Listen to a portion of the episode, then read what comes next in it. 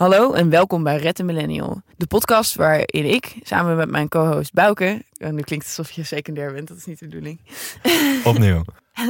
Hallo en welkom bij Red Millennial. De podcast waarin Bouke, Bouke. en ik... Bouke is altijd bang dat ik hem niet ga noemen in de intro. De podcast waarin Bouke en ik het hebben over alles wat millennials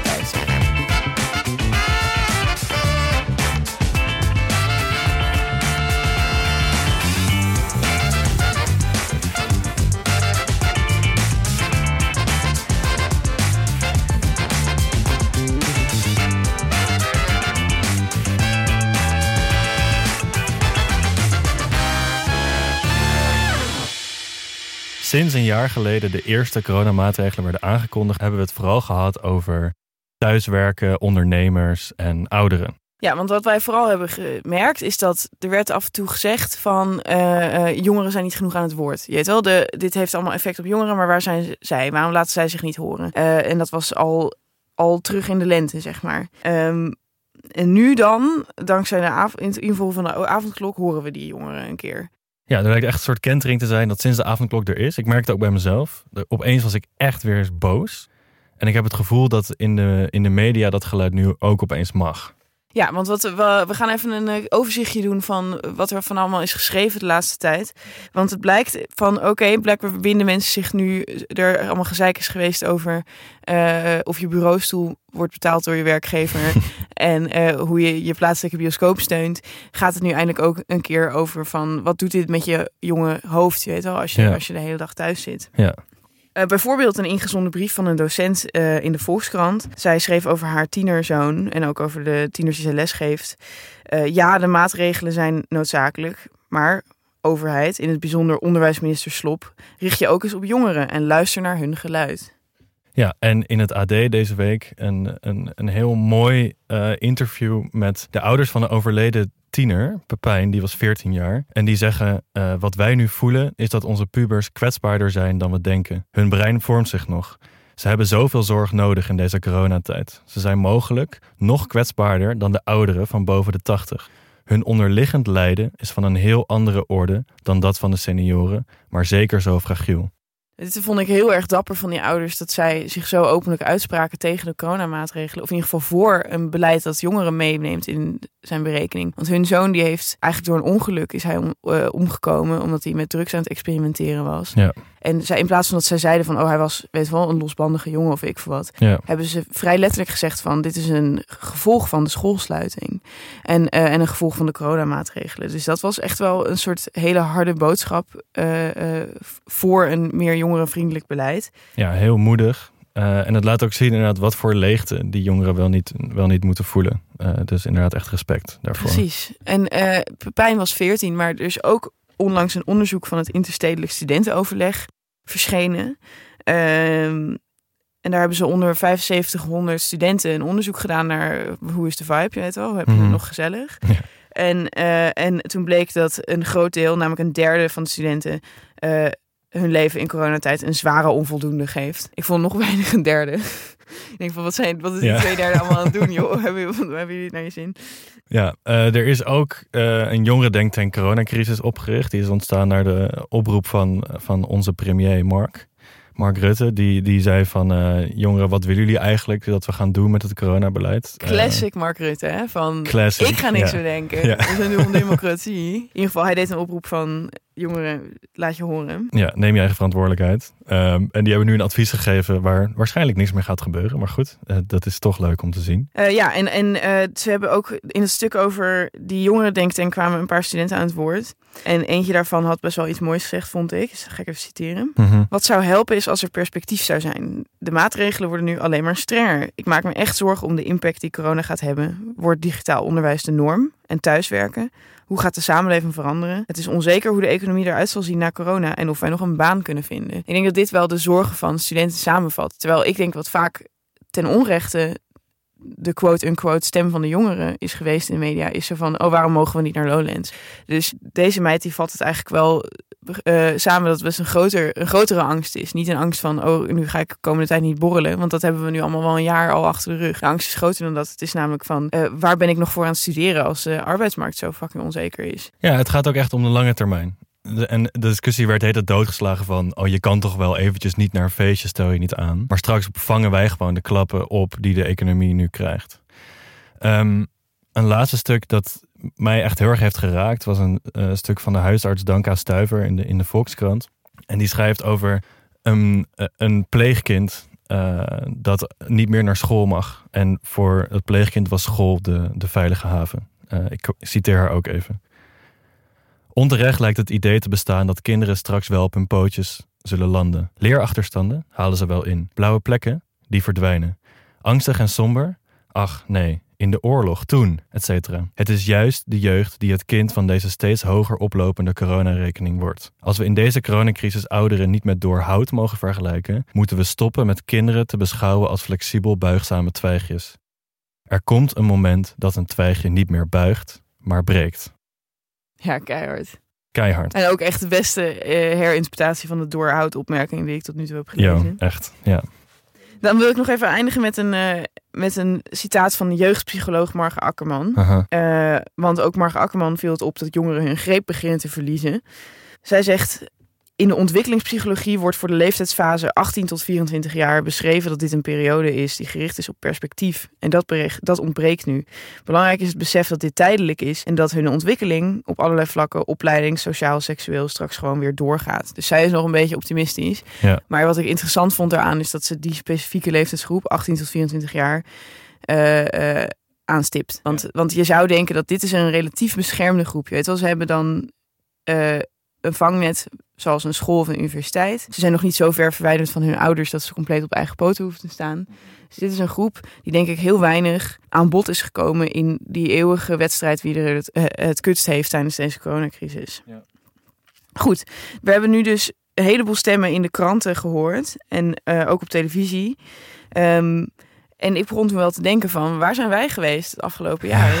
Ja, ik heb me dat ook afgevraagd. En eh, ik moet eerlijk zeggen, ja, we, we waren er niet echt. We hebben één aflevering gemaakt over corona, waarin we op zich kritisch waren, maar waar we ook de hele tijd eigenlijk niet durfden om heel hard eh, te zijn. En om soort van tegen het beleid in te gaan. Oh nee, absoluut niet. Als wij ons mi- misdroegen, dan hebben we dat ook zo beschreven van, oh jee, dat mocht niet hè. Ja, En ik heb bovendien echt nog een half jaar liggen tobben omdat ik eh, zei dat ik het eens was met Marianne Zwageman in die aflevering. Terwijl ik Ja. niet eens zei dat ik het eens was met Marianne Nee. Zwageman. Ja. Ik zei alleen van, ja, er is wel wat te zeggen voor het feit dat we wel heel raar oud worden tegenwoordig. En dat we daar blijkbaar met z'n allen heel veel werk in steken. ja.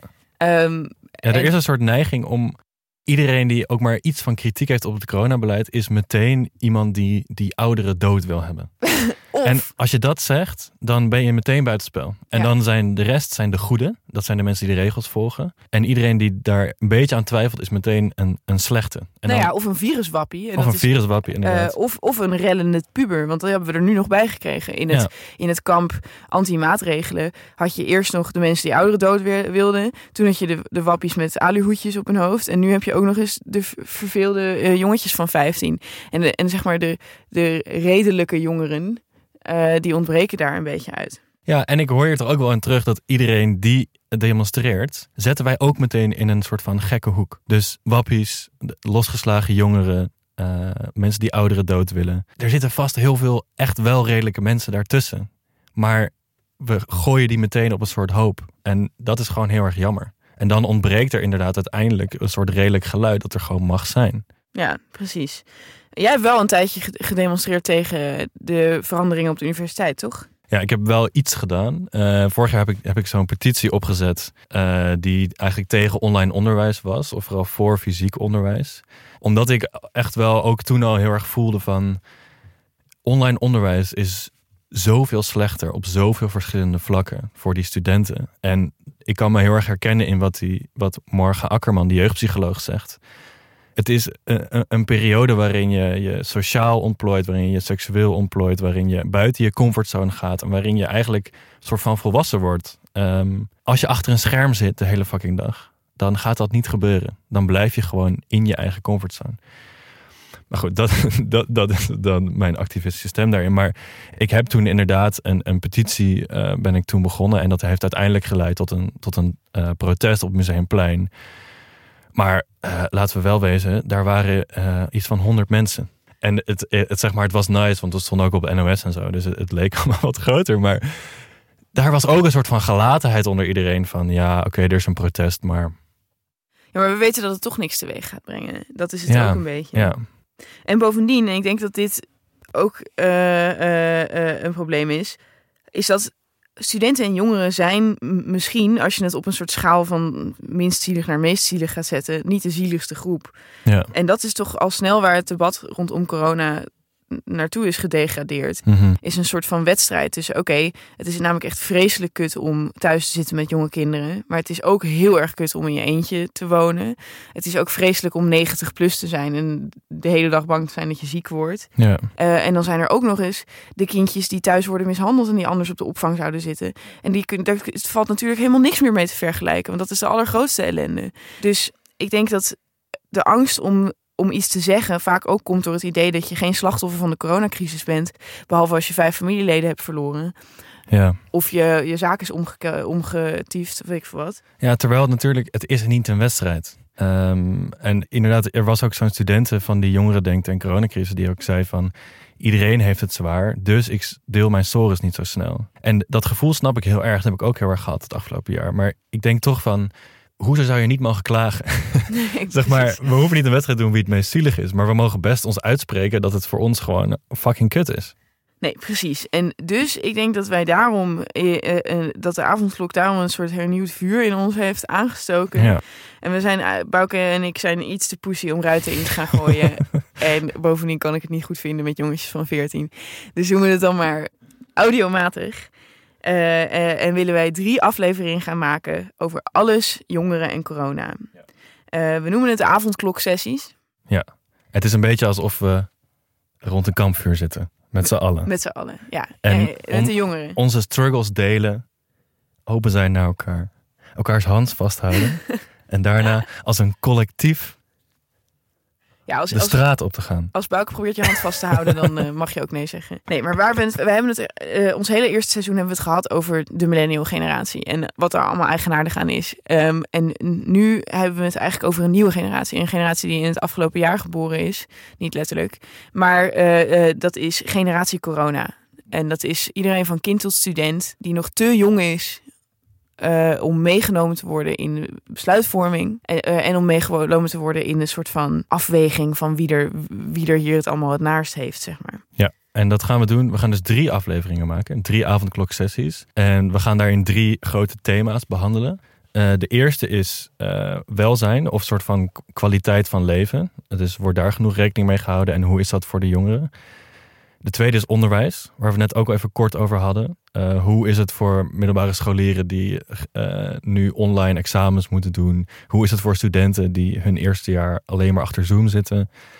En de derde is economie. En dat klinkt misschien niet echt als een sexy onderwerp, maar Bovendien eh, als een onderwerp waar ik gewoon helemaal niets van begrijp. ja, maar zoals Helene Mees ook schreef in haar column, de overheid geeft nu miljarden uit om iedereen overeind te houden. En drie keer raden wie er straks eh, beginnen met werken als dat terugbetaald moet worden. Dat zijn wij natuurlijk. Dat zijn wij. Oh my god. Dus belangrijk om het er ook over te hebben, denk ik. En ik, wat, wat eh, er anders gaat zijn aan de avondkloksessies dan, dan jullie van ons gewend zijn, eh, is dat we graag met jullie in gesprek willen gaan. We weten dat onze luisteraars voornamelijk jongeren zijn, die misschien ook dachten van ik deel mijn sores niet, want ik ben nou eenmaal niet een alleenstaande moeder of iemand die twaalf uur per dag in de zorg moet werken. Wij willen nu ook van jullie horen eh, over een jaar coronamaatregelen en hoe het was om jong te zijn in dat jaar. Ehm, heb je wel eens de regels gebroken? Ehm, wanneer was je er echt helemaal klaar mee? Weet wel, wat vond je echt eh, een, echt een, kut persco? En nog met name, ik denk wat de belangrijkste vraag is... eh, wat was er echt zwaar aan het afgelopen jaar? En waar hoor je zo weinig over? Ik vind bijvoorbeeld, ehm, waar we het zeker over gaan hebben in onze aflevering over onderwijs... is over proctoring. Eh, eh, en, en die bullshit waarbij je dan aan, aan, aan de vier kanten jezelf moet filmen om een tentamen te maken. Alsof er geen andere toetsingsmogelijkheden zijn. Ja, het wel alsof er niet een manier is om gewoon eh, een student te meten aan andere maatstaven. Mhm. En het wantrouwen dat erin zit. Ja, precies. Oh, ja. Wat, het, wat het, de aanname dat jongeren altijd maar tegen de randen van die maatregelen aan zullen schurken. En dat, was, dat is het ook geweest met het.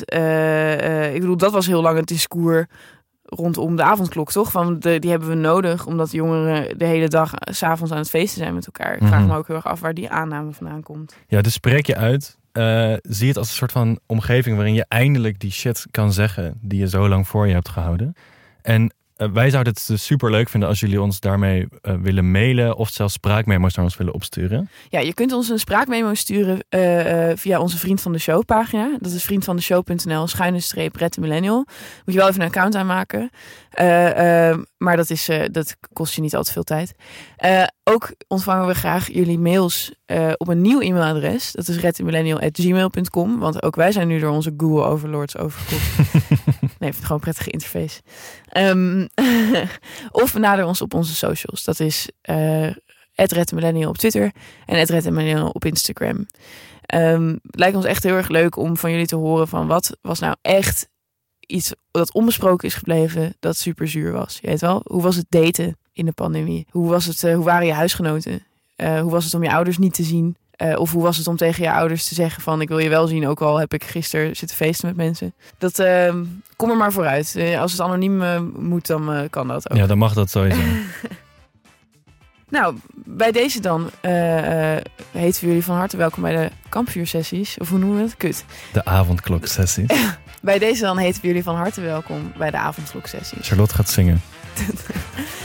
Als er, als er genoeg mensen reageren in de mail, en dan heb ik het over gewoon meer dan 50, dan, dan ga ik zingen tijdens Oh ja? de avondkloksessie. Oh ja? Ja, Oké, ik beloof het. oké. dit, ga ik, dit komt sowieso in de edit, hè? 50 e-mailadressen aanmaken. Eh, tot gauw bij onze gauw. eerste aflevering over welzijn. Tot dan.